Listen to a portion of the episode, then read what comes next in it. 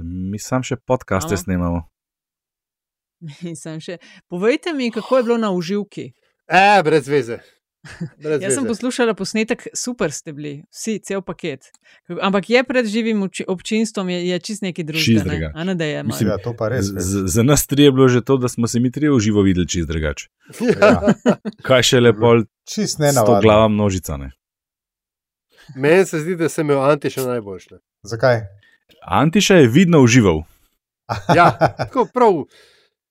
Prav uživo si rahlo, profesorski, ampak un takul profesor, a veš, se bil. O, Marija, o, Marija. Ja, Ja, ja. Pa Se, Antiša, kogar se jaz spomnim, si ti zelo rad na Pop TV-ju užival v klope delov. ne? ja, to sem kar rad delal. Ja.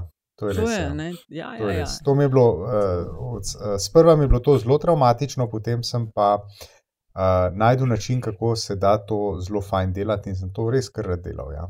Ja, za mlajše poslušalke in poslušalce naj omenimo, da je Antiša Koljan v svojih zgodnih novinarskih letih eh, delal kot novinar za Pop TV. Mislim, da je bilo to prav v zgodnih letih Pop TV. Res je. In na YouTubu se morda najde kakšen posnetek, zanj še enkrat ga je nekdo našel. Tam boste ozrli mladega fanta, ki spominja na današnjega Antiša Kolja. Oglejte si, priporočam. Čeden, ja, politika. Politiko, Čeden ne, fant, si, čeden. zaradi Ja, ja, politike si ja, prišel. Ja, ne. s politiko sem se ukvarjal. Ja. Um, Prav, pa se pa dajmo še mi, da je kar špico aljaš, uh, da ujamemo ta časovno zaporo na 35 minutah. Pred nami je časna naloga.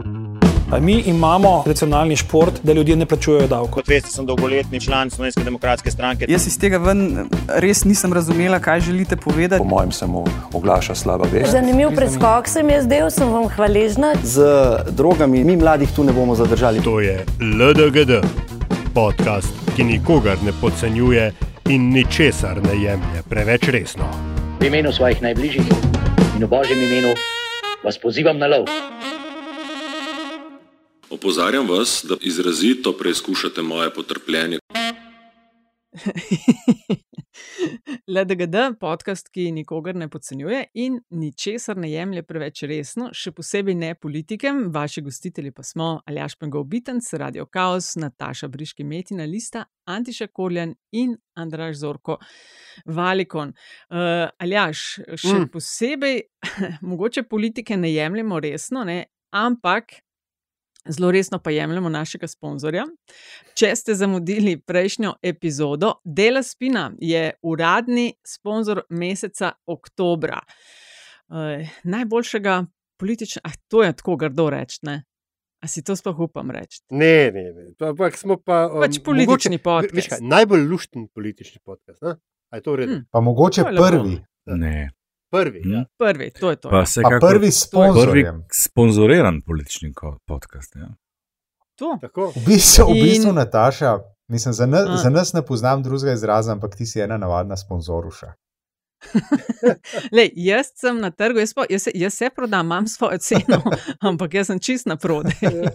Ne, sem, a, imam pa to pogledno jaz vprašanje za um, naša dva um, strokovnjaka. ne, komentatorja Tako rekoč strokovnjaka. Ja, tako rekoč strokovnjaka, poznavalca.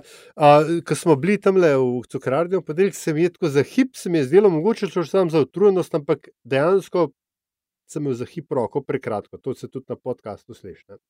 Zdaj vidim, meni povejte, če je ko in jaz, ko bom prišel v situacijo, ko bom rabo imeti uh, očala za nablic ali pa za nadelež, kako je to v dela spini izgledalo, kdo od vaju je bil tam. Ja, oba ne. Oba, oba, Oba. se ne gre Ja. drugače. Kak, mislim, da je walk me through it, ker dobre oči, pa dobri lasje, to so pač to neke te samo všečne travme, ki, ki me še čakajo. No? Tako Da, Ja, nič, jaz, sem, jaz sem prišel, pa sem se pa z eno, z eno mlado gospo zaprl en majhen prostor za ene 15 minut. Ne. okay, Ja, zdaj, za razliko Ne, od Antiša. zdaj pa dobro jaz- vidim, a ne? Mhm, Tudi, jaz sem tudi prišel, za razliko od njega sem se pa z mlado gospodično zaprl v prostor majhne velikosti za ene 15 minut. S- Okay. Mhm, mhm, Zelo, In zelo kaj je ti tam noter delajo? Ti tam imajo ene take naprave, ki, ki nekaj izmerijo. Jaz sem to prvič videl. Uh, nič ni bolel, to moram povedati, poudariti, nič ne boli. In uh, potem ti tam zmer, kaj ti pravzaprav vidiš, oziroma česa ne. ne. Zdaj je bilo vse prvič, to je bilo Ah. za me čist novo. Jaz sem do Ja. svojega 50. leta zdržal brez očal, me pa veseli, ne, da je bila ta moja prva izkušnja pa tako prijetna. Pa to seveda ne In znam. potem, in no, potem dobiš na, na vsako, na vsako uh, fazo, ki se začne v produkciji, oziroma proizvodnji, oziroma izdelavi tvojih očal, dobiš obvestilo, ne, SMS, začeli smo, potuje, tralala. Ne. No, in potem, uh, potem, enkrat sem bil doma in me kliče na neznana številka, imamo en paket za vas, kot so rekli v vojski, stigo paket. Ne. In sem šel dol in sem imel nova očala. A ni to dobro? Ne? In kar naenkrat mi ni bilo treba dajati očal dol, medtem ko berem. Pa take stvari, a veste. Ampak to so bili ti špegli, ki si jih imel v ponedeljek gor. Uh, ja. Ampak dobro pol- izgledajo. Ampak, ja, Dobro izgledajo. hvala. In pa sem si še una, kot sem že zadnjič omenil, še una prejšnja sem si dal isto oprem z novimi šipcami. In to zdaj imam jaz dvoje očala. In to se tudi da? Ja, jaz se lahko zdaj izmišljujem. Ne? Ja, ti lahko preneseš, kjer, mislim, ne vem zdaj. Ampak jaz sem prinesel še un prejšnji okvir, v katerem sem si zelo všeč, ne? seveda je samo všečno dejal.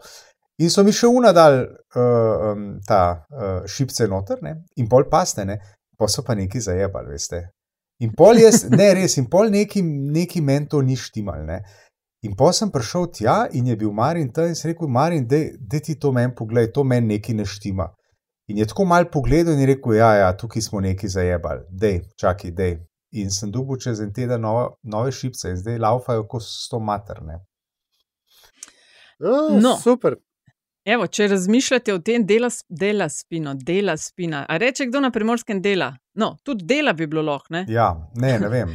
Ampak dela, dela spina. Dela uh, spina, najdete jih na Kersnikova 10 Ljubljana, na spletu so pod della-spina.si, lahko jim pa tudi pišete na infoafna-delaspina.si. Pač pri njih je glavna fora, da ljudje kupijo očala izključno, če so z njimi zadovoljni. Uh, ker delajo direktno s tovarnami, pa imajo lastno delavnico, so približno 50 odstotkov cenejši od ostalih optik, uh, in edini na svetu, ki v bistvu delajo tako. Tako da še več informacij tekom tokratne oddaje. Um, ali si želiš, ali še kaj dodati, še Ne, kakšno za, spino? zaenkrat vidim prihodnost Vidi- uh, no. mojega pogleda, tako da je vse v redu. Pol pa dam na mizo kar takoj. Plan za danes, uh, referendumi, pre, so prvi resni pretepi v kampanji, pa ljubezen med SDS in NSI, ki je v prvem planu, se pravi delo 15. slovenske vlade. Vi ste v tej specialki ste kar nekaj okrog referendumov govorili. Eden od naših poslušalcev, Stanko, hvala za vprašanje, je rekel, če lahko še enkrat ponovimo, ko je finta s temi referendumi. Se pravi, trije so, za katere je SDS zbrala potrebne podpise in sicer referendum o spremembah zakona o vladi, eh, RTV Slovenija in zakona o dolgotrajni oskrbi. Kar povedali smo tudi že, povprečju je Andraš udeležba na teh referendumih nekje med 10 in 30 odstotki, najvišja doslej je bila za EU in NATO okrog 60 odstotkov, ampak če želijo predlagatelji zmagati, mora biti večina proti, se pravi, in ta večina mora biti večja od približno 340 tisoč glasov, torej petine volivnih upravičencev, kolikor pač znaša kvorum, kar je pogoj za veljavnost referenduma. Dej, prosim, Andraš, povej, ker se ljudje to sprašujejo, pa bomo pol okrog tega, na kjer datum ja, pa ne.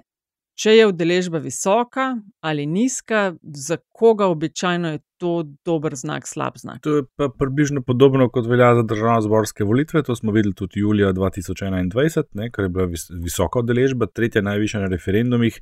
Pričemer je treba poudariti, da tista druga je bila izvedena skupaj z nekimi volitvami. Tako da, če bi gledali samo te solo referendume, je bil julijski eh, referendum o vodah drugi uh, najvišji obiskani referendum. Uh, Višja je udeležba, bolje je za vse te levo-sredinske opcije, zato ker vemo, da so na desni sredini, oziroma desno od sredine, predvsem bolj disciplinirani voljivci, ki pač pridejo, ki se udeležijo tega na poziv, včasih tudi ob nedeljo do povdne. Um, in zato, ne, seveda, manjša, ko je večji njihov delež. Je pa ravno s tem kvorumom se pa stvar zdaj tudi za njih zakomplicirala. Če se spomnite, v preteklosti so znali dobiti kakšen referendum, ki je imel 12-odstotno udeležbo. Ne. Zdaj pa to seveda ni več možno, ne. zdaj jih mora biti pa najmanj 20 odstotkov na voliščih pod pogojem, da bi bili to vsi, ki bi podprli uh, to opcijo. Ne. Tako da više, ko je, Mm. boljše je za opcije oziroma predloge, ki gredo levo od sredine. Mm. Aljaš, eh, zdaj bi pa, če dovoliš, prebudila politologa in pravnika v tebi, uh, Ja. ker um, se kalkulira, na kateri datum ja, pa ne. Češ bo cenejš, ne cenejš, če bo skupaj z katerimi volitvami. Zdaj, ciljalo se je najprej na drugi krok predsedniških, se pravi, da bi bili skupaj s tem 13. novembra. Ampak predlagatelji so ustrezno zavlačevali, tako da ta opcija ni več. Zdaj se govori o 20. ali 27. november, ampak dej ti tehnično povej, a to rabta biti dve ekipi pol na volišču, ko prideš, kaj je drugače. Ja, najprej treba seveda SDS-u čestitati, ne, ker so uspešno izigrali te roke spet, ne, ponovno so se pokazali za res mojstre postopka. Pushing the envelope, kot se temu reče v lepi slovenščini, da so a, preprečili možnost, da bi, bil, a, da bi bili referendumi na drugi krok predsedniških volitev. Zdaj pa a, pomeni, da imamo pa še tri možne datume, se pravi um, 20. november, kar je datum lokalnih volitev, 27. november, kar je moj rojstni dan, a, pa potem prvi, prva nedelja v decembru, kaj je to pol 5. december ali 4. december. Za. Miklauža, da bi bilo, če Nekaj- ne, to- pa takoj preverjam. ena- To pride pa ne, četrti. Četrti, ne, tako. Da, pa, pač, Decembra. skratka, te stvari so še v, a, v igri. In zdaj tako. Um, to je sicer plot malo klele, grupnega razmišljanja včeraj v, tudi v naši skupini, ki smo večkrat raziskovali. Kukar jaz to razumem, bi, eh, skratka, se ne prešpara se nič več, če so zdaj uh, referendumi. Tako da vsi te, vse te uh, pripombe o uh, dodatnih Čak, ne 40 prešpara se nič, če so skupaj z recimo Lok- lokalnimi, lokalnimi volitvami. kukar jaz to razumem, se tukaj prešpara ne več kaj zlo, zato ker lokalne volitve izvajajo lokalne volivne komisije, ki jih imenujejo loka, organi lokalne oblasti, referendume pa v vsakem primeru izvaja državna volivna komisija, ki pač mora imeti potem svoje uh, uh, organe in tako dalje. In tudi, če bi recimo ti lahko na, na volišču združil komisije, da bi puni lokalci pobirali še glasovnice za referendume, uh, bi se od tam naprej morala biti pač dva uh, usporedna postopka, kar pomeni tok in tok. Ljudje, ki preštevajo, toliko ljudi, ki kontrolirajo, toliko ljudi, ki obveščajo, in tako dalje. In tukaj nekih blaznih prihrankov ne bi bilo. Da ne govorimo o tem, da je v vsakem primeru treba natisniti glasovnice in posebej, posebej glasovnice in posebej vabila itd. itd. No, tako da ta argument se mi zdi, z moj, tako kot jaz to razumem, odpade. Okay. Uh, ne odpadejo pa kakšne teorije zarote, Antiša, zdaj si pa ti na vrsti, da poveš svoje mnenje. O čem, o teorijah zarote? Jaz sem njihov velik Ne, od pristaš. referendumov. O referendumih. Ja. Ne, to ja, kar se ti zdijo vse te poteze. Ja, zdaj eh, to izigra, izigra a je to pravi izraz, jaz ne vem. Ne. Zdaj, Mislim, temu se reče majstorija, če ja, me vprašaš. i- i referendumi bodo, ne, o tem ni dvoma. Zdaj pa, a grejo en teden gor, en teden dol, to je pa po mojem trdnem prepričanju v bistvu, um, kako se reče, že vihar v kozarcu vode ali nekaj podobnega. Ne. Mhm. Jaz ne bi preveč pripisoval temu, čeprav seveda nekaj vpliva na to, a to zdaj bomo morali petkrat ali pa samo dvakrat v, novembr, v oktobru, pa novembru na volitve, oziroma na volišča. Ne. Eh, Nekaj vpliva ima, ampak sicer pa jaz mislim, da pač mi se bomo odločali, kot se pač odločamo. Ne. Predvsem mislim, da bo tukaj, to sem tudi zanč rekel temu v cukrarni, ne, da bo to svoj vrsten referendum tudi o delu opozicije oziroma delu vlade. In to se meni zdi bistveno. Ne. Zdaj pa en teden gor, en teden dol, 100 ur tukaj, 100 ur tam. Ne. Ja. Ne. Ja, ne vem, če se glih Andraš strinja s tem. Ne, vem, da je se ne, rekel, vem, da se če je ne, vem, višja, da se ne višja udeležba, je boljše za levo sredino. Ja, mislim, Ampak a veš, dobro, Ne, pa ne. sej, Nataša, a, Andraž, da se razumemo, jaz ne polemiziram, jaz samo pravim, da zdaj, Ja, ja, razumem. da razumem. zdaj ta preigravanja, no, ne vem, bomo videli. No. Mislim, meni se zdi to v osnovi luzerska mentaliteta z ene in z druge strani, če bo res tako ne. Zato, ker to, da, ti, eh, da se ti izogneš enemu datumu volitev, s to računico na naslednjih datumih bomo pa zihar lažje zmagali. To pomeni, da enostavno ne verjameš v svojo večino, v svoj prav, v svoj predlog. To je, to je v bistvu luzarska mentaliteta. Ne? In ta je značilna za SDS že vse od leta 2008, ko so z malenkost izgubili volitve in se takrat naprej v bistvu niso več pobrali, so šli v resnici samo še navzdol. Uh, in če bo na drugi strani tudi taka logika prevladala, to ne bo najboljši znak. Ne? Uh, to pa jaz pa ustrajam pri tem, ne više, ko bo deležba, boljš bo za levo sredino, absolutno. Predvsem je pa, a veste, predvsem je pa, če pogledamo noter v, v uh, vsebino, ne, zdaj o tej o dolgotrajni oskrbi vem premalo, ampak oba druga referenduma sta pa tako, um, to je, uh, Aljaš, zapiši si ta izraz, to sta obstrukcijska referenduma. Ne. Pišem, pišem, evo. Ne, to sta obstrukcijska referenduma. Obstru, ja, to sta domače nagajučka. Nagajučka, ja, ki. Uh, na, Navihančka. Absolutno sta legalna, absolutno sta legitimna, absolutno sta dovoljena, da se razumemo, ne? ampak um, nista pa prav apetitlih. Ne, je rekel z lepo slovensko besedo. uh, Mislim, ko, kot voljivki bi meni osebno seveda ustrezalo, da to upravim skupaj s predsedniškimi ali lokalnimi volitvami. Če bi bila političarka, bi pa sigurno delala kalkulacijo. Meni je tukaj zanimivo, je to, ker ne znam čisto odločiti, ali so se te stvari, ali se dogajajo tako rekoč po inerciji. Um, vedeli so uh, predlagatelji referendumov, da si ga ne želijo, da si jih ne želijo imeti na dru dan drugega kroga predsedniških, pa naprej pa itek se opcije nekako stanjšajo. Ali je pač nekdo razmišljal o tem, kaj to pomeni ne, za naprej, ker um, mi imamo zdaj tri referendume v igri, ki so potrjeni. Potem imamo posvetovalni o dohodnini, a posvetovalni referendum o dohodnini, ki sicer ne bo šel čez, ampak, celot, ampak že sam ideja, oziroma kaj je to, um, vloga za ta referendum, zamrzne celotno zgodbo za 30 dni. In potem imamo še um, primca teme, ne, ki hoče imeti spet referendum o družinskem zakoniku, ki tudi ne bo šel čez, ampak kot smo zadnjič ugotavljali, spet cel postopek. Treba je zavrniti referendum na podlagi 90. člena ustave, potem bo nekdo pritožil na ustavno sodišče, bo ustavno sodišče reklo: Ja, res je, ne morete imeti referenduma. In bomo mi že okoli novega leta spet. Ne? In se bomo mi od danes do novega leta se bomo pogovarjali o nekih kulturno-bojnih temah, ala RTV, ala družinski zakonik, ala kdo za, koga zares skrbijo starejši. Vmes imamo pa dvoje volitev. Ne? In ali ni vse to namenjeno, da so te referendumi po eni strani obstrukcijski, kot je Antiš rekel, po drugi strani pa namenjeni temu, da se vzdržuje temperatura v bazi in da se ji na nek način tudi pač nekaj rdečega mesa meče, da, da ostane divja. Um, če uh, dovoliš, bi klele postavila piko, ki si tako imenitno povzel, kaj nas lahko čaka do novega leta, in bi se preselila v uh, opozicijo, ne? ker je si jo ravno mal uh, podsukal za rokav. Uh, odnosi se zdijo napeti. Ni bil glik rokav, kar je zasukal, ampak v redu.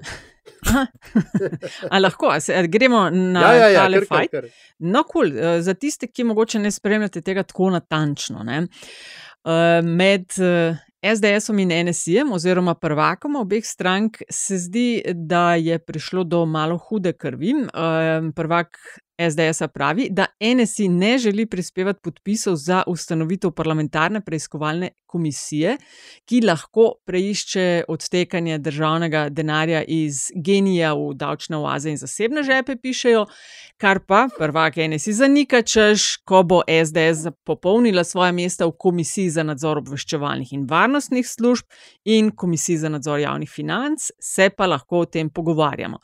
Zdaj, a je to kar neki? Ali misliš, Antiša, da so imeli po pol leta, zdaj, ko se je usedlo, da so izgubili volitve, postajajo vse bolj nervozni? Je tisto, kar, vse, kar nikakor ni kar neki, je ta uh, razkol, če mu smemo tako reči, ne, med uh, NSA in SDS. Ne. To je stvar, ki, uh, ki jo je bilo za pričakovati.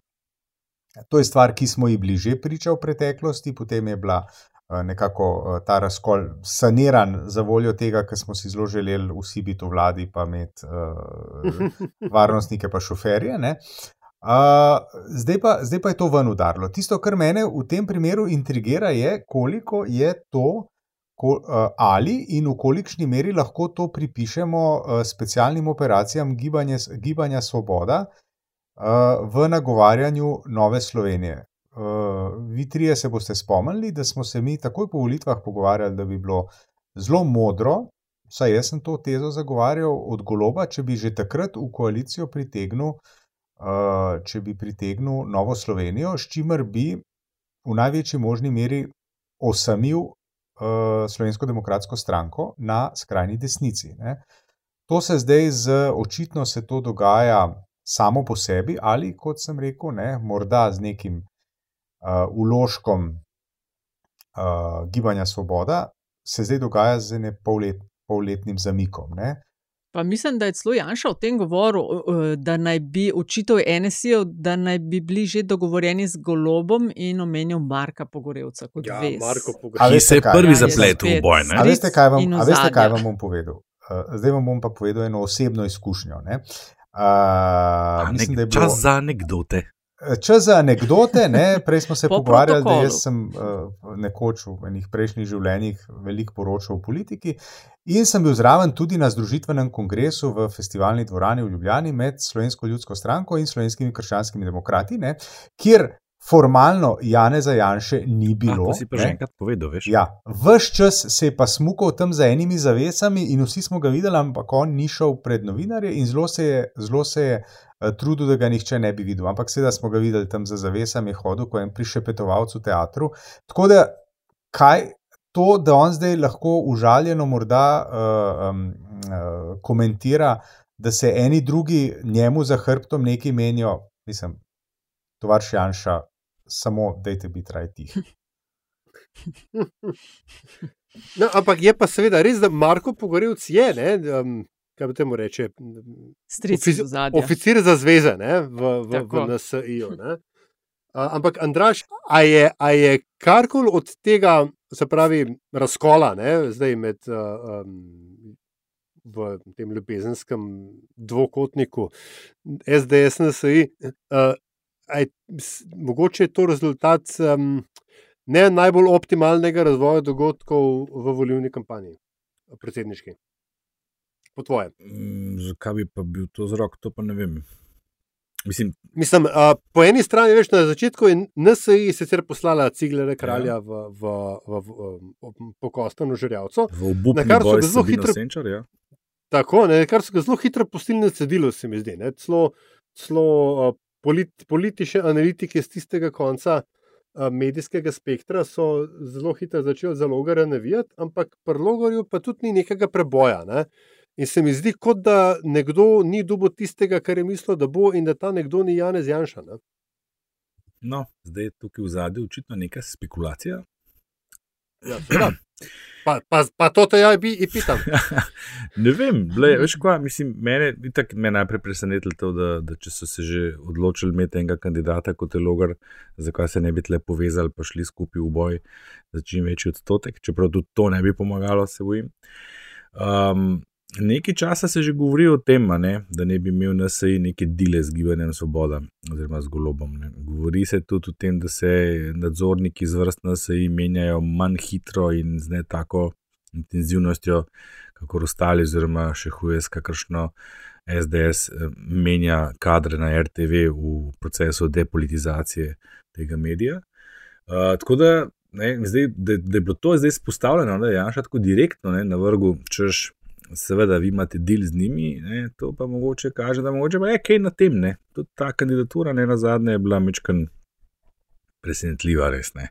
A to, kar si pa Mm. omenil, ne, da pa Cigler zdaj tam na tistih treh odstotkih kubaca, pa da, da ni neke strašne podpore, je pa spet se mi zdi nek indikator um, morebitnega razkola NSI, ker NSI ne, je pa v odnosu do SDS-a pa v konstantni šizofreniji. Ne, to, je- to pa, oziroma ne šizofreniji, konstantni, konstantno bipolarno motno imajo ne. Bi pa ne bi, bi pa ne bi, bi pa ne bi. Ne. Tudi, tudi ko, je, ko, so, ko so ljudmi Novak zamenjali, je tudi bilo tako rečeno, da je to odmik od ene špure, pa da gre zdaj bolj v drugo špuro, pa ni bilo čistko. vse čas je prisotno to malo. Ne? A smo zdaj mi v bistvu z SDS ali nismo, ne? to kaže na neko notranjo razcepljenost ne? Uh, te stranke v odnosu do SDS. -a, In mislim, da je to zdaj spet samo en tak uh, simptom te, te bipolarne motnje, ki jo imamo. Nimamo pa kakšnih novih uh, meritev na stranke, ne? to zdaj ni, nima smisla verjetno delati. Je bolj vse Ma ja, se to se, to se večkrat govori, da, veš, Ja, ja. mert, uh, podporo strankam v času, ko ni volitev, je pač ja, ok, nice to have, imaš nek Ja, ja. preseg, če se slučajno kje kakšna stvar začne dogajati, če bi se zgodila kakšna nova stranka, sam pa ne se to zgodi sam par mesecev pred volitvami. Zato je dosti brez veze. ne, Ne. Mislim, ja, se Mm. zato pa tudi rezultat ni presenetljiv, ne, se ni dosti drugačen na tisti plus minus par točk. Še vedno pa imamo številke okoli teh predsedniških volitev, tisto, kar je danes, ko to snemamo, in to je 13. oktober, staro tako rekoč 10 dni, ne? tvoje, valikonove številke. Ja, ne, vse mi bi to pogosteje delali, ne, sam. Se vem, se vem, ja. Uh, Tako je, tako je zmeden. Ampak veš kaj, veš, kaj mi je pa zanimivo? Mislim, ne vemo, nič, a je kdo šel gor ali dol. To Ne? je tako ne moramo zdaj, ker se, zdaj sem že zanč omenil na, na, na živem snemanju, ne, da glede na to, da smo mi eni zdaj iz, od izvajalcev javno objavljenih javnomestskih raziskav, da ni korektno, da bi komentiral ostale, pa jih vendarle bom.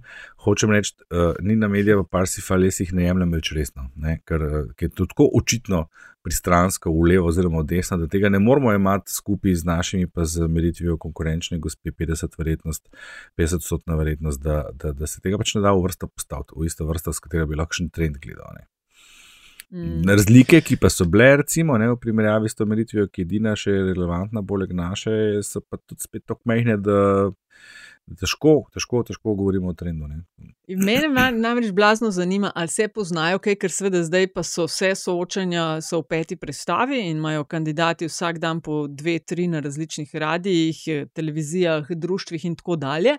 Andiša, ti si pa zdaj uspel, za razliko od prejšnjega tedna, ne, mal uč vršt na soočanja, Seveda. ki pa so postala po naši prejšnji oddaji zdaj uh, naenkrat, vsaj med. Uh, tistima, ki zasedata drugo, tretje mesto z občasnimi ostalimi, eh, malo bolj intenzivna, malo bolj se gre na nos. Če so prej še malo bolj na lepo, eno drugem, pa zdaj ni več temu. Govoriš o, govoriš, uh, Pirc, Brgles, Musar, vse Brgles. Pirc, ja.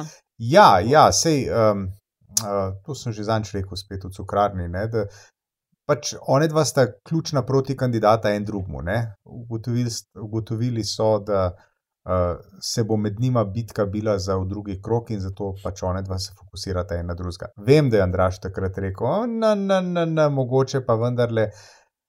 Ne pomeni, nujno, ne pomeni nujno, da gre, da gre uh, Anžel Logar v drugi krok, nujno. Ne?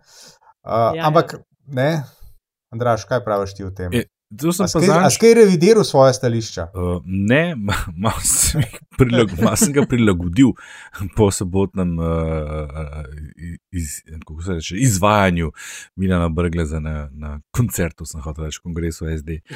Uh, a veš, če bi se ona dva zdaj spopadala v enem tak, enem takem pozitivnem kontekstu, ne, konstruktivno, ampak vendarle, da bi bil to vendarle spopad, ne, da bi na ta način mobilizirala voljivce, ki so naklonjeni bolj enemu ali drugemu, bi se res lahko to zgodilo, da bi potegnila za sabo še dodatne glasove, ker veš, ali že logar je stakt. Ne?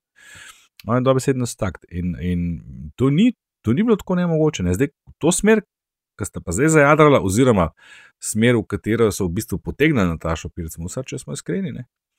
Zdaj, Da se je pa šla to igro, pa je pa druga stvar. Pa ne, ne to pa, to pa bolj odbijali voljivce. ne. Tako da zdaj se mi zdi, da je kar naenkrat že logar precej varen. Ne? Mm. Natašo so, k... izvoli, Aljaš. Hotel sem samo vprašati, a se je še komu zdel, da sta v zadnjih dneh eh, mal pivotala, ne? oziroma naredila malo obrata, brgles mečkem bolj v levo, retorično, ne? Nataša Pirc Musar pa mečkem bolj v desno, to pač zelo, so relativni termini, ne? ampak uh, se mi zdi, da je brgles začel poudarjati te um, ključnike, ki bi bili bližje uh, nekemu standardnemu modelu voljivca SD, veš, tranzicijski kapital, pa socialna pravičnost, pa la la la. Medtem ko Nataša Pirc-Musar pa zadnje čase, mogoče to sam zaradi soočen, nekaterih je bila, ampak veš, uporablja stvari, uh, besede kot so patriotizem, pa vojska, pa um, take bolj. Um, no, de, sredinske do desno, sredin, ali pa termine, ki bi bili ljubi bolj sredinskim do desno, sredinskim voljivcem. To je tako, kot pri eh, blagovnih znamkah na trgu. Ne. Distinkcijo iščete. Ne. Ti se moraš Sej, sej. diferencirati od svojega konkurenta, da moraš preveč podoben. Ker v momentu, ko smo preveč podoben, ne, pol, pol je v bistvu vse en, kaj zbereš. Ne. No, je zdaj si skoraj da malo bi bila- 50-50. ne. Zdaj si te- predstavljajte, da bi bila v tej enačbi pa še Marta Kos. Se, če bi bila Marta Kos, pa ne bi bilo Milana Brgleza. Ne bi bilo Ja, bolj. to, pa je, je. ja, to pa je res. Ja. Ja. Ne, kar sem jaz opazila, sem pa poslušala danes soočenje eh, na zbornici, zbornica MČM združenje, se pravi Ameriško-Slovensko gospodarsko združenje, kjer so se soočili ti prvi trije na temo gospodarstva in je bilo jasno, da je Logar precej domač na tem terenu. Edina pa zares eh, med njimi, ki ima izkušnje iz gospodarstva, Nataša Pirc, ki jo je mimo grede, ne vem, če ste opazili, v enem od soočenj um, kandidat levice Kordiš, ker uh, Orenk napada v smislu, ja, kot odvetnica ste branili pa tega, pa tega, pa poznate to ime in gor dolne. Kar se mi zdi, to tako moram jaz res reči, Andraš, me bo zanimalo slišati tvoj komentar. To strahovito demoniziranje gospodarstva strani uh, levo od sredine in v konkretnem primeru tudi Nataše Pirc, pač odvetniško pisarno ima. Kaj delajo odvetniki in odvetnice, se ve. In zdaj naj se kaj nas za vsazga opravičuje, ker je, ne vem, delala kaj z vem, to naštevam je- na pamet, za Lidl, vprašanje, za no. Uno, za tretje. To je dobro vprašanje. Včeraj sem govoril z eno gospodično, ki mi je točno ta argument navedla, ne, da, da, da ne bo volila ne zato, ker je bila zagovornica Melanije, ne, Trump, eh, samo zato, ker je ona uh, uh, jih tožila zaradi uporabljenega imena za tortico v slaščičarni v Sevnici. Ne, se je razvila kar, kar vroča debata okrog tega, ne, zdaj pač odvetniški poklic je kakršen je, ne, seveda obstajajo verjetno kakšne, kakšne meje, si vsak zase misli. Ne. Ampak um, jaz ne vem, kako bi se recimo jaz počutil, če bi prišel k enemu odvetniku in bi on rekel: Mene, jaz pa tebe ne bom zastopal, zato ker ne vem. Ne. Ker imaš modre hlače, zdaj se pa ne zelo, zelo, zelo banalen. Ne.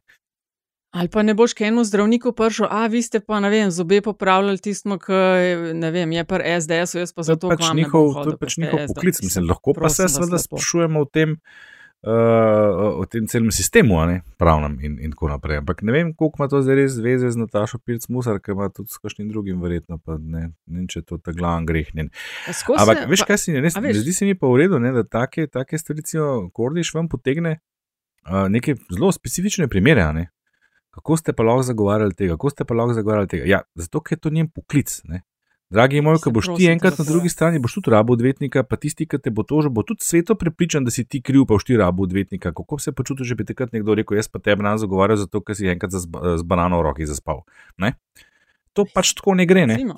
Uh, kar se pa tiče teh, to pa si umelna, hvala Nataša, to si mi lepo nastavlja. Ne? Kaj? Ta demonizacija vsega, kar je povezanega z gospodarstvom, Ja. podjetništvom in tako naprej, to se mi zdi pa tudi precej grozen v resnici.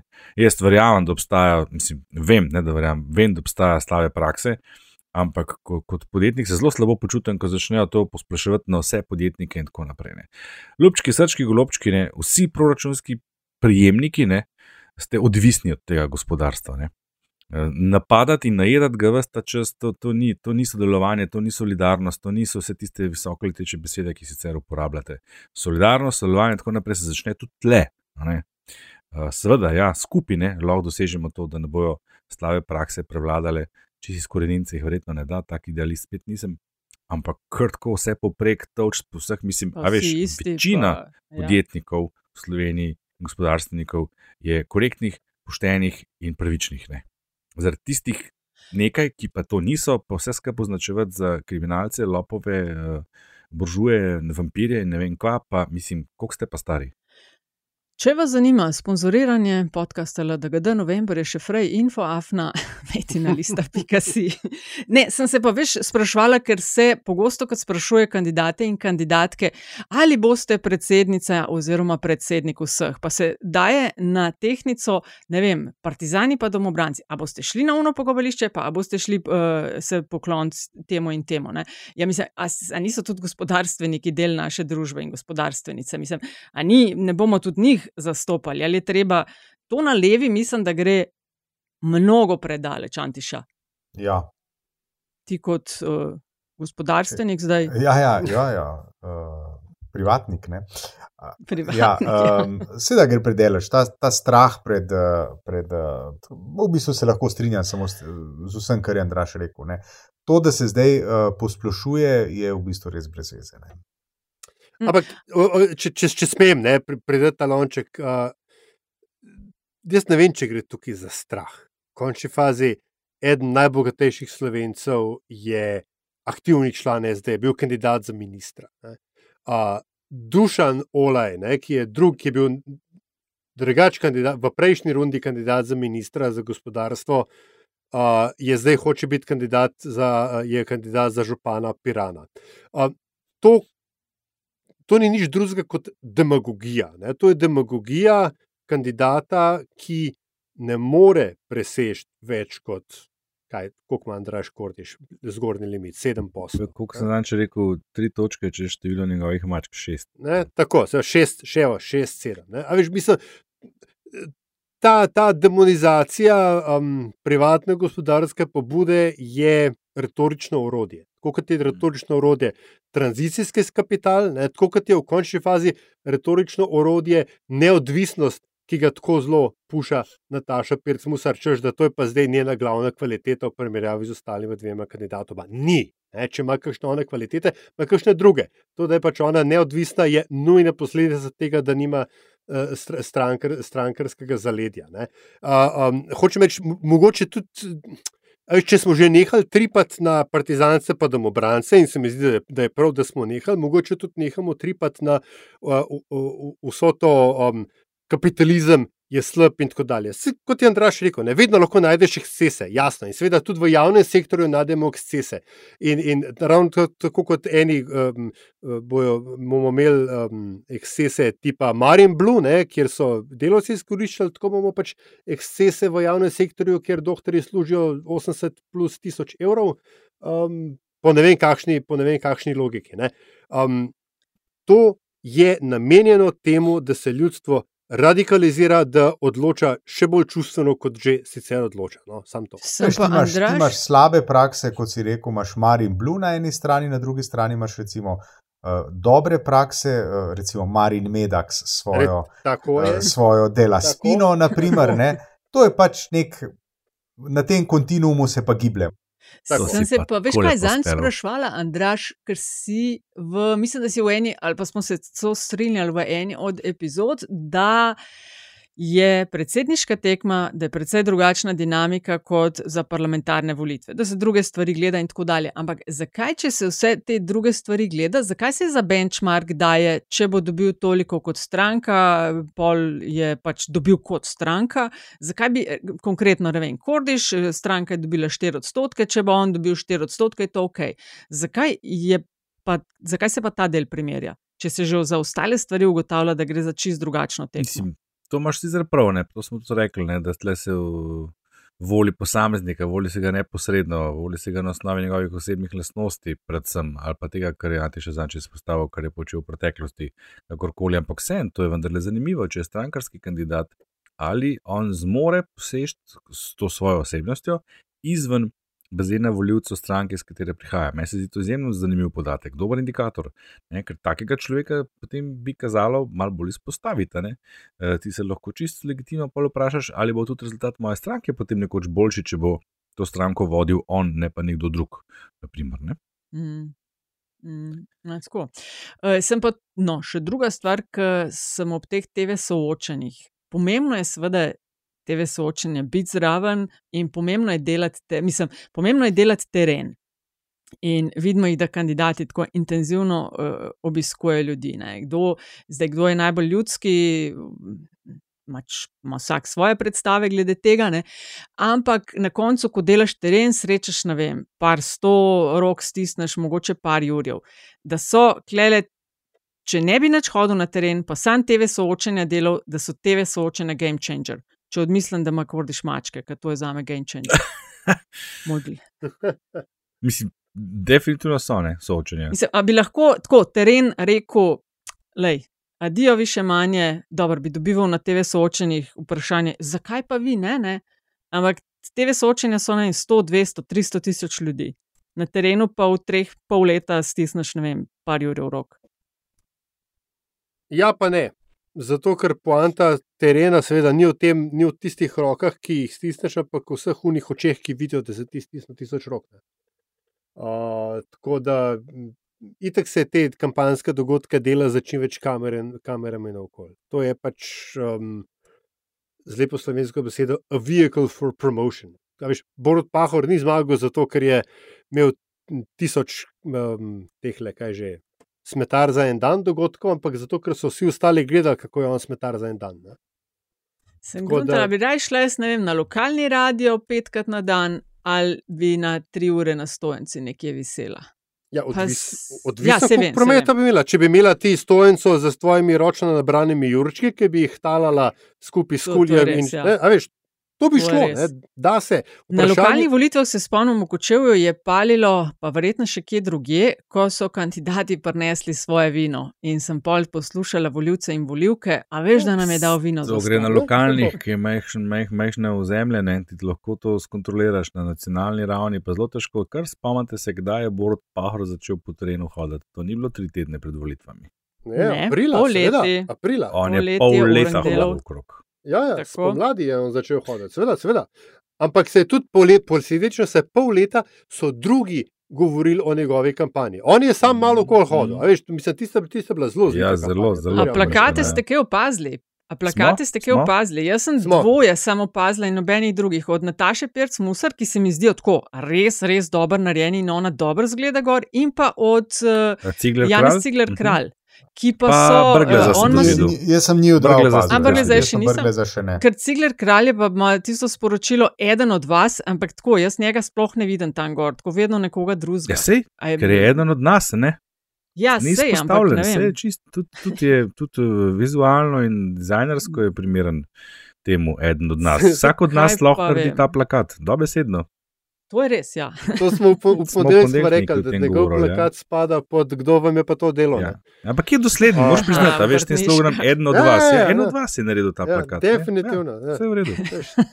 Ne čaka tajnice. Ne. od, njih. O, Ne. o, ja. Vse je kul, vse je kul, mislim, lej, a veš, zakaj ne? ne? A veš, No, pa Ja. na lokalnem nivoju, okay, še čist mečkan skokec na lokalne, no, da nas čas ne zabaše. um, začela so se ta vlaganja, intenzivna kandidatur, kar sem jaz opazila, pa ne vem, če iz tega kakšne zaključke za izpeljavati. Šefica SDS poslanske gre za županjo v Šentjur, Jelka Godec, Mhm. potem poslanec SDS za Mariborskega župana Dejan Kaloh, pa eh, Hojs, nekdanji minister notranji, naj se ga omenja kot eh, kandidata mogoče za župana LJ in tako dalje. kaj bo pa delo na štantu, bo kakšen- sozil delil meščanom? A, pa pendreke, Majki so gumištrudle, municipalni. gumištrudle bo delil. A je Ja. ja. iz tega kaj za izpel, izpeljati, Antiša? Ti imaš drugače, sem videla v Izoli tudi par znanih imen. Uh, Vasilij Vasilij Žbogar. Žbogar se poteguje za mesto Ja. župana v Izoli. Tako je, ja. uh, Pa v Piranu Olaj, ki Ja, je že Olaj v. Piranu, v Kopru uh, Aleš Bržan, Boris Popovič, Jadranka Šturm Kocijan, nekaj je, nekaj je kandidatov. Ja. Vprašanje je bilo pa kaj, Nataša? E, vprašanje je bilo pa, eh, lahko si ga zastaviš sam, da vidim. No, ampak bom. Uh, Se hecam, sem vmes pozabila, ampak eh, pravzaprav sem se navezvala, želela iz tega, a S- ko SDS pošilja svoje težje ali pa težke kanone v boj za županska mesta. A smo to že kdaj videli prej? ja, v, v, v, Ljubljani, v Ljubljani smo to videli na zadnjih volitvah, ko so poslali že ta logarja. Ne? Ja, klej se mi zdi, da jih je mogoče malo več. Ja. Zdaj, ne vem. Zdaj nimam čist v glavi, kdo je kandidiral leta ja. 18, ki je ne iz SDS-a, to moram priznati. Uh, Ja, okej. vem, pa, vem pa, recimo, da v Kopru kandidirajo enega svojega zelo lojalnega predstavnika, ki bi za to partijo dal marsikaj, tudi kakšen del telesa, je pa, se pa tudi sam zaveda, da on tukaj nima možnosti. Ne? Se pravi, to gre. Do 20. oktobra ne, je to vlaganje Eh, mislim, ja. kandidatur na Mislim, da ja. lokalnih še, še možno. Ja. Kakšne raziskave na, za lokalne, pa Andraš, tu še niste kaj delali? Kaj bi, kakšni issues ljudi zanimajo, kaj jih skrbi, kaj bodo pozorni? Ne, ne, škaj, to so to, okay. mislim, lej. Prehitro. Ne, ne, ma ne, to je premečkanje, premečkanje, ne moreš. To, to je premečkanje. Vsaka občina ima svoj, mislim, a veš, ne gre. V no, nekih občinah jih je tako malo, da še podobnega vzorca ne moreš narediti. Mm, Dobesedno. Kako boš naredil vzorc za volitve v občini Šentjur pri celju? Ne? Mislim, ja, da Ali pa Ankaran. Mojega ljubega hodoša. Ja, čeprav, veš, klebi pa. Uh, um, Vezano na kandidature, bi vendarle omenil, da ko je šel Anže Logar 2018 proti Jankoviču kandidirati, je to naredil zato, ker je bil takrat on šef Ljubljanskega odbora SDS in drugega junaka ni bilo, ne, ki bi bil pripravljen izgubiti za partijo.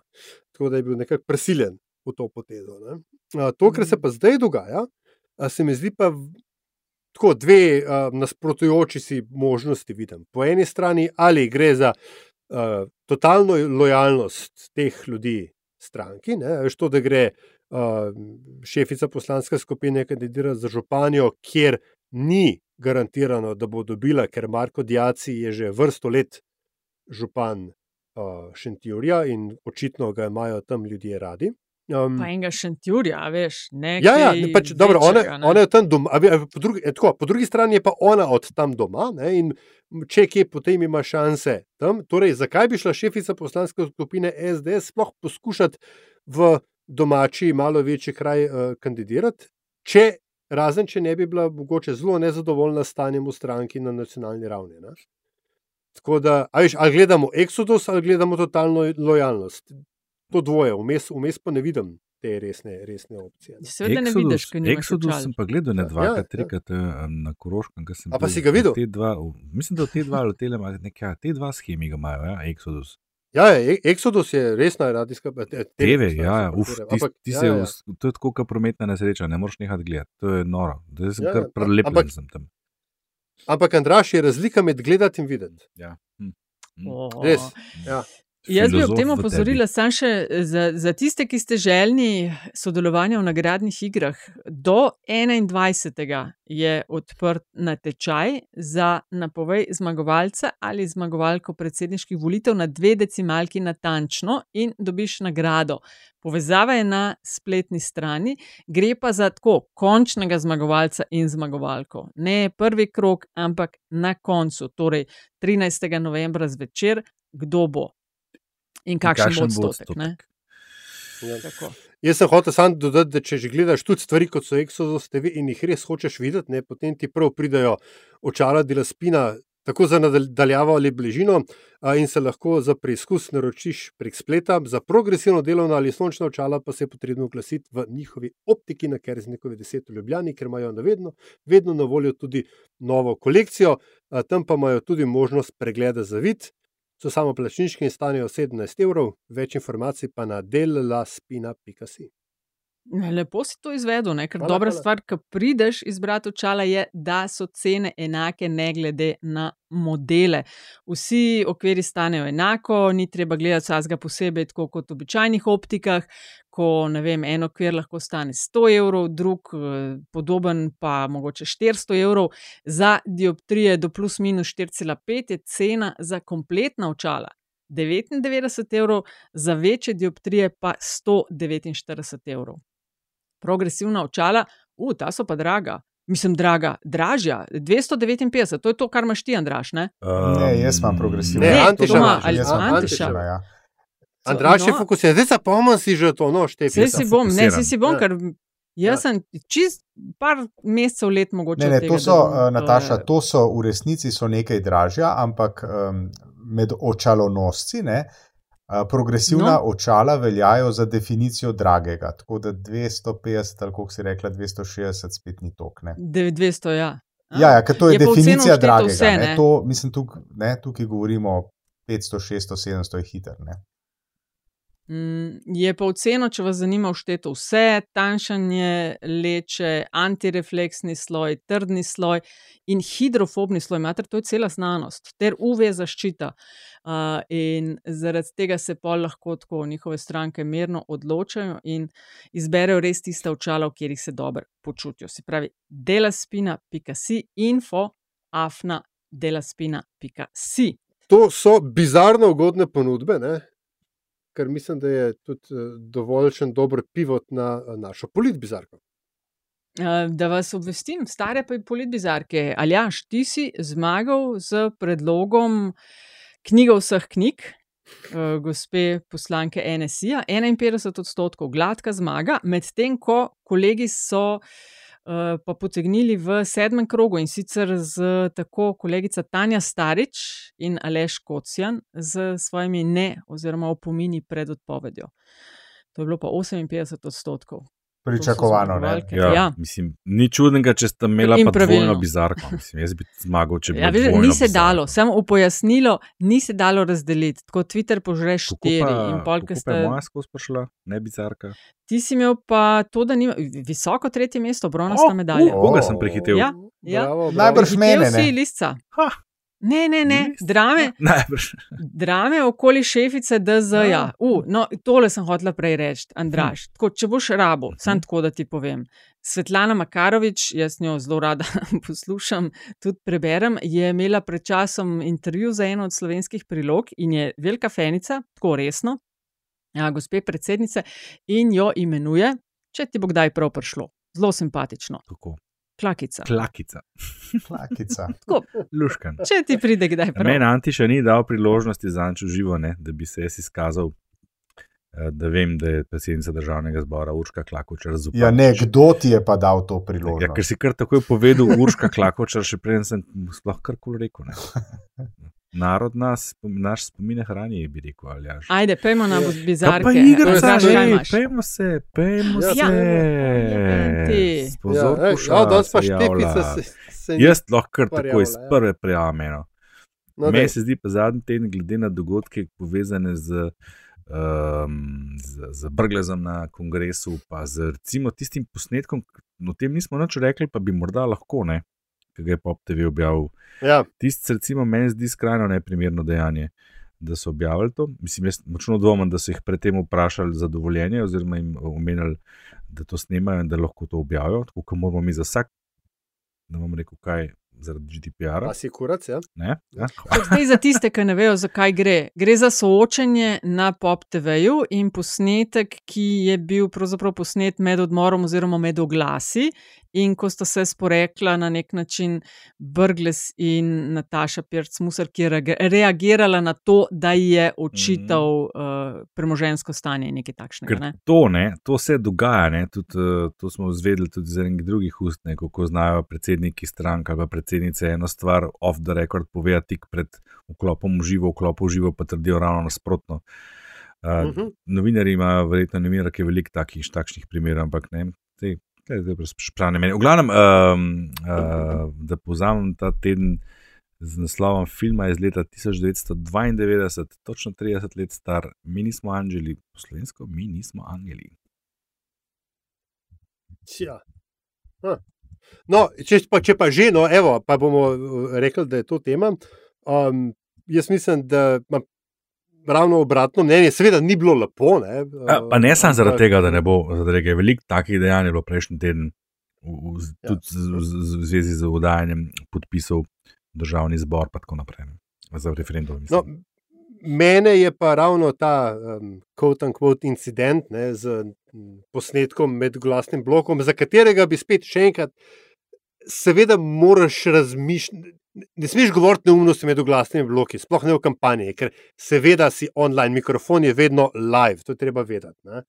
Uh, in me je seveda to takoj spomnil na serijo Yes Minister, uh, kjer uh, imamo točen tak uh, incident, kjer Sir Humphrey pade na to isto foro, na katero je padla Nataša Pirsmusar, in me je zato čekaj, potem me je ta teden spomnil na serijo Yes Minister. Jo, Antiša. jaz sem spet pejmo Jaz, jaz, bi, mislim, jaz, jaz bi verjetno že zdavnaj dubil tisti podpis v beležko, s katerim Aljaš skozi skoz, uh, grozi, ko gre za uh, tole igrico. ne. Poziv, poziv poslušalkam in poslušalcem, če želite, če ste oboževalka, oboževalec, ali še kolena, ga razveseliti, pošljite mu beležko. Beležnico, ja. Ja. Da je nič hudega. Mislim, jaz pa, kar se tistega posnetka, sem kar nekaj razmišljala o tem. To so seveda skrajno neprofesionalne stvari. Ne. To profesionalci tega ne naredijo, ali vsaj niso delali. Ampak, ker delam občasno tudi izobraževanja na temo, kaj in kako mediji, in pa vedno vsem in vsakmu rečem natančno to, kar je rekel tudi Aljaš. Od trenutka, ko stopiš v hišo, do trenutka, ko zapreš vrata in te ne vidijo več, mej v mislih, kot da je mikrofon in kamera non-stop na tebi. Ker take stvari so seveda zelo dobre za, za rejtinge, za klikanost in se uporabljajo že leta. Ni prvič, da se je to zgodilo, ampak je to redna praksa. In to ti mora biti jasno, da se to dogaja, tako da kakšno razburjenje okrog tega. Ne vem sicer, če je na mestu, ampak še vseeno pa ne gre za dobre novinarske prakse, kar se mene tiče. Ampak sej samo mogoče uh, naredim pol koraka v bran lastnemu cehu. Ne? Sej takih stvari ne manjka tudi recimo iz tujine, ne? od respektabilnih medijev. Ne? Pa nekdo neki zamomla, pa nekdo neki nekomu reče. Pa uh, ne vem, aj buš kondolizi rajs ali pa obratno dal listek, moram na stranišče, pa se to znajde. Se spomnite tega, ne? Le, kot sem rekla, včasih se to ni, ker se je spoštovalo eno zelo črno, črno-belo, je danes to praksa. No? Ja, ne, mislim, jaz bi tukaj omenil, da je en tak, en tak izpad, ne, je potopil Gordona Brauna v, v britanskih volitvah. Kaj je bilo? Še enkrat, ne broje tega in to ja. je praksa, še, ne, še vedno pa ne pomeni, da je to dobra praksa. Ni ne? pa lepo, ja. Ni, ni pa, pa lepo, lepo ja. in morajo tisti, ki so veliko v medijih in veliko nastopajo, jim mora to biti jasno. Je pa po drugi strani, ne, se takoj, mislim, dva tedna pred volitvami, uh, Brgles update v svojo spletno stran in tudi sam objavil premožensko stanje in jih zdaj tudi on na predvsem je pa, predvsem je pa pri tej temi, no, če smo že načeli, pa da je še končati, um, je, se mi zdi, da je pomembno nekaj. Ne? A je ta stvar bila potem naslednja, tega, namreč tega ne vem, pa mi mogoče vi znate pomagati. Uh, a je ta stvar bila naslednji dan, kot pogledajte, kaj so govorili, Ali je bil ja. ta, tako, je bilo, ali jaz sem dopuščal namreč možnost, da, je, uh, da se je nekaj začelo okrog tega, in potem so oni to izjavo samo uporabili kot del ene širše zgodbe. Tega pa ne vem. Ne?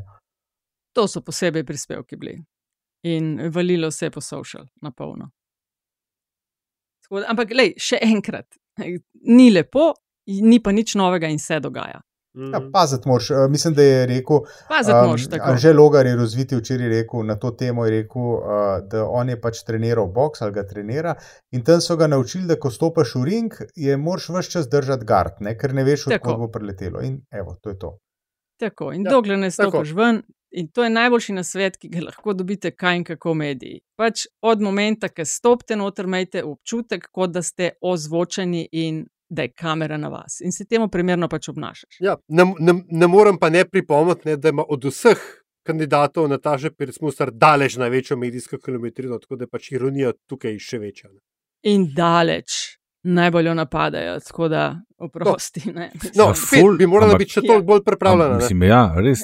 Lej, mislim, ja. Pripravljena na dvojne doze, da je nekaj. No. Ja, uh, ja, ne, ne, ne, ja. Kot sem rekel, noben ni rekel, da je fair. Ne. Ja, mislim. Ja. A bizarke, demo. Ja. Kaj imamo? Ja, jaz bi rekel, moja bizarka je ta, da, da danes Nataša Briški sploh še ni imela Vladimirja Prebeliča. Sem? Oprosti, zgrešil si. Ja, omenil, enkrat ga je omenila. Oh. hecam se, hecam se. A si ga res oprosti? Le, če ga ne ja, ja omenjaš, saj trikrat sploh ne zaznam več. Sej, sej, sem, na zalogo sem ga, pa sploh ni imel veze z tistim, o čem sem se zdi. Sem rekla za zihar. Uh, bizarno to, kar je izvedla stranka SDS, ne, s tem zodajo podpisov, so odlašali, dosto očitno namenoma do tega trenutka, da ni bilo več možna, eh, da ni bil več možen razpis referenduma na dan eh, drugega kroga predsedniških volitev iz znanih razlogov. Eh, dobro, ne, v redu, taktično, v redu, ampak da si pa upajo, pa, pa naslednji dan. Pa že uporabljati argument, da koliko več bo pa zdaj davkoplačevalskega denarja, je BMT, ne, šlo za to, če ne bo po takrat, ko bi oni po njihovo izpeljali, mislim, eh, se škeje več, kar sem bizarno to. Ne. No, in bom kar jaz nadaljeval. Ne, bomo, ja, od uh, bolj desnega, mogoče za odtenek manj desnemu. Um, Matej Tonin si je nadel uh, ruto, ob, oblekel si je tisto domačo haljo in je zauzel pozicijo užaljene uh, starejše gospe, kitarna, kako je uh, samo dobro hotla, tole ima pa v zahvalo. Ne? Namreč na Twitterju je objavil, kako, um, kako si pa res ne zaslužijo, da jih iz SDS-a nabijajo, ko so pa tako dobro sodelovali v prejšnji vladi. Ja, dragi moji, ne? politika je to. Politika je to. In vi ste konkurenti. Ja. Tako da ne jamrejte, gospod Tunin, ampak iščite rešitve. Bi rekel, bi rekel Miro Cerar. Cerar. No, jaz pa tudi v tem sferi ostajam, ker je tudi malo povezano. A lahko, aljaš? Ja, ja, seveda, seveda. Eh, Desna stran tvitosfere, ne, na čelu z nekdanjim premijejem, je v zadnjem tednu doživljala orgazme ob tem deljenju domnevno ležit zemljevida Evrope, drugače pa pobarvanke, ki naj bi prikazovala politične orientacije vlad. Države so različno obarvane, glede na to, kaj jim uh, pripišejo liberalci, center, konzervativci in tako dalje. Zdaj Slovenija je lepa, bordo, rdeča, edina v tej barvi in uh, opisana kot skrajno leva in komunistična. Uh, tako malo, tri krasne so te ocene. Slovenija je daleč od česar koli ortolevega ali pa komunističnega. Podpisan je pa Vakor Torson. Zdaj, jaz vem, politolog ali jaš, že slišal za to, je svetovna politološka legenda, za ki ga sicer Google ne najde. Veliki, mislim, št, uh, količina njegovih referenc je, um, je zapaljujoča. Ja. Dih je majoča, skratka, totalna izmišljotina, škart pobarvanka, ki je res, kot je en zapisal, počasi retard level next generation, drugač pa odličen projekt. SDS-ovih kletnih trolov naravnost v politbizarko, pa barvanka. No, in ko smo že pri um, užaljeničkih in um, bizarnežih in uh, ljudeh, ki imajo težave, tako težaven stik z realnostjo, uh, seveda ne morem, da ne bi omenil nekdanjega ljubljanskega župana, nekdanjega veleposlanika Slovenije v Združenih državah Amerike in večkratnega zunanjega ministra Dimitrija Rupla, ki je kariero očitno zdaj pa dokončno končal kot direktor javne agencije za knjigo z svojim predvsej dolgim odstopnim pismom ministrici Asti Rečko, ki je v pismu namreč hkrati uspel izpasti užaljen in aroganten, en tak uh, older white gentleman snowflake, um, kjer je v pismu napisal sicer bolj malo, je pa pismo zato dolgo, ker je povzel celotno korespondenco oziroma copy-paste celo korespondenco zadnjih x tednov ali mesecev uh, in se na koncu uh, podpisal z uh, zaslužni profesor dr. Dimitri Rupel. Enostavno pač vidiš, da človek ni dobil um, se temu reče, občudovanja, za katerega je prepričanemu pripada, eh, in zato potem protestno odstopil. In uh, pač celotna ta zgodba z Dim, Dimitrijem, to morate preslišati ruplom na agenciji in njegov odstop, in tako dalje. To se mi zdi uh, silno bizarno. Lepa. In smo pri zadnjih 30, to je rubrika podcasta LDGD, v kateri vsak od ustvarjalcev in ustvarjalka povejo, pač kar želijo povedati, in imajo za to 30 sekund časa. No, jaz se bom vzel ne 30, ampak 3 sekunde. To so čas, v katerem svetloba prepotuje 900 km, revolverski naboj 1 km, čas, v katerem se zgodi vdih, utrne solza, izbruhne eksplozija in prispe SMS sporočilo. Tri sekunde so tudi zgodba, ki se bere z vrtoglavim zumiranjem podob uh, v uh, avtorstvu Marka Antoana Matijoja in prevodu Katja Šaponič, in ki je zelo prijazno našla pot do mene iz uh, založbe Vige Vage knjige. Uh, sem to pregledal že na poti iz Ljubljana v Luksemburg. Um, zelo, zelo zanimivo, zelo dobro in čudovita izbira, in se najlepše zahvaljujem za darilo. Andraš.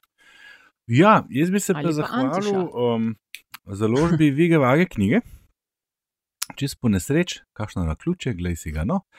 Uh, za čudovit res roman Mestne ptice moram priznati, da sem tudi sicer lastnik ponosni že ne par njihovih knjig, Uh, tega, tega te sem bil tudi še posebej vesel, kar me posebej razveseli pri tem, je pa njihov ta res osebni pristop. Mislim, da sem to že enkrat imel v zadnjih 30, s tem pisemcem zraven in uh, tako prav, prav, prav razveseli človeka. Najlepša hvala. drage in dragi. Antiš? Ampak to pa, mislim, neverj, neverjetno na ključe. No.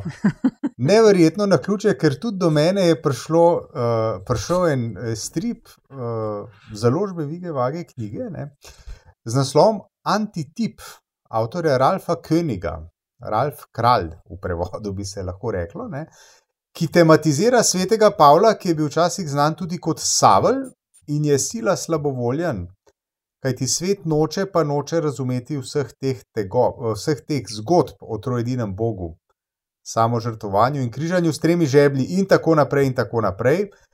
Uh, prikupno branje in tudi gledanje, glede na to, da gre za kombinacijo besede in risbe, tako da toplo priporočam v branje Ralf König, Antitip.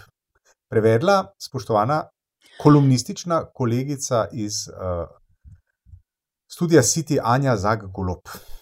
Ja, no, če smo pa že klepa, jaz za dobro vago dodajam uh, še en risoroman in sicer uh, Uga Bienvenuja, privzete nastavitve v prevodu Jedrt Lapuh Maležič, izdala založba Vige Vage knjige. Gre za zgodbo o ljudeh, kako so zaradi napredka začeli uporabljati umetno inteligenco in vmes sami zastarali. Uh, živijo skupaj z roboti, ki svet vidijo kot množico, množico podatkov in temu sledijo dejanja po matematično, ampak svet ni vedno ena plus ena je dva. Zgradile so nas zgodbe, je dober citat noter, porušili nas bodo pa podatki. Uh, sodobna tematika, dobra zgodba, dobro se bere, res uh, navijaš za robota Mikija, kako se konča, pa vige vage knjige.org. Aktualen risoroman in hvala za dobre vile. Pa smo pri koncu, mar ne? Tako je. Tako, in to je konec, ki je padel v lonec. Postavljamo piko, polit, ne polit, bizarki, LDGD oddaji, številka 108. Hvala, ker nas spremljate. Če nam želite kakšno oceno dati pri vaših podcast ponudnikih, bomo zelo veseli in vnaprej res lepa hvala. Drugač pa, če bi nam kaj želeli sporočiti na infoafna. Metinalista.si, sicer pa nas pocukate za rokav na Afna Pengovski, Afna Antisa Korjan, Afna Andrazus in Afna DC43, pa brez zamere.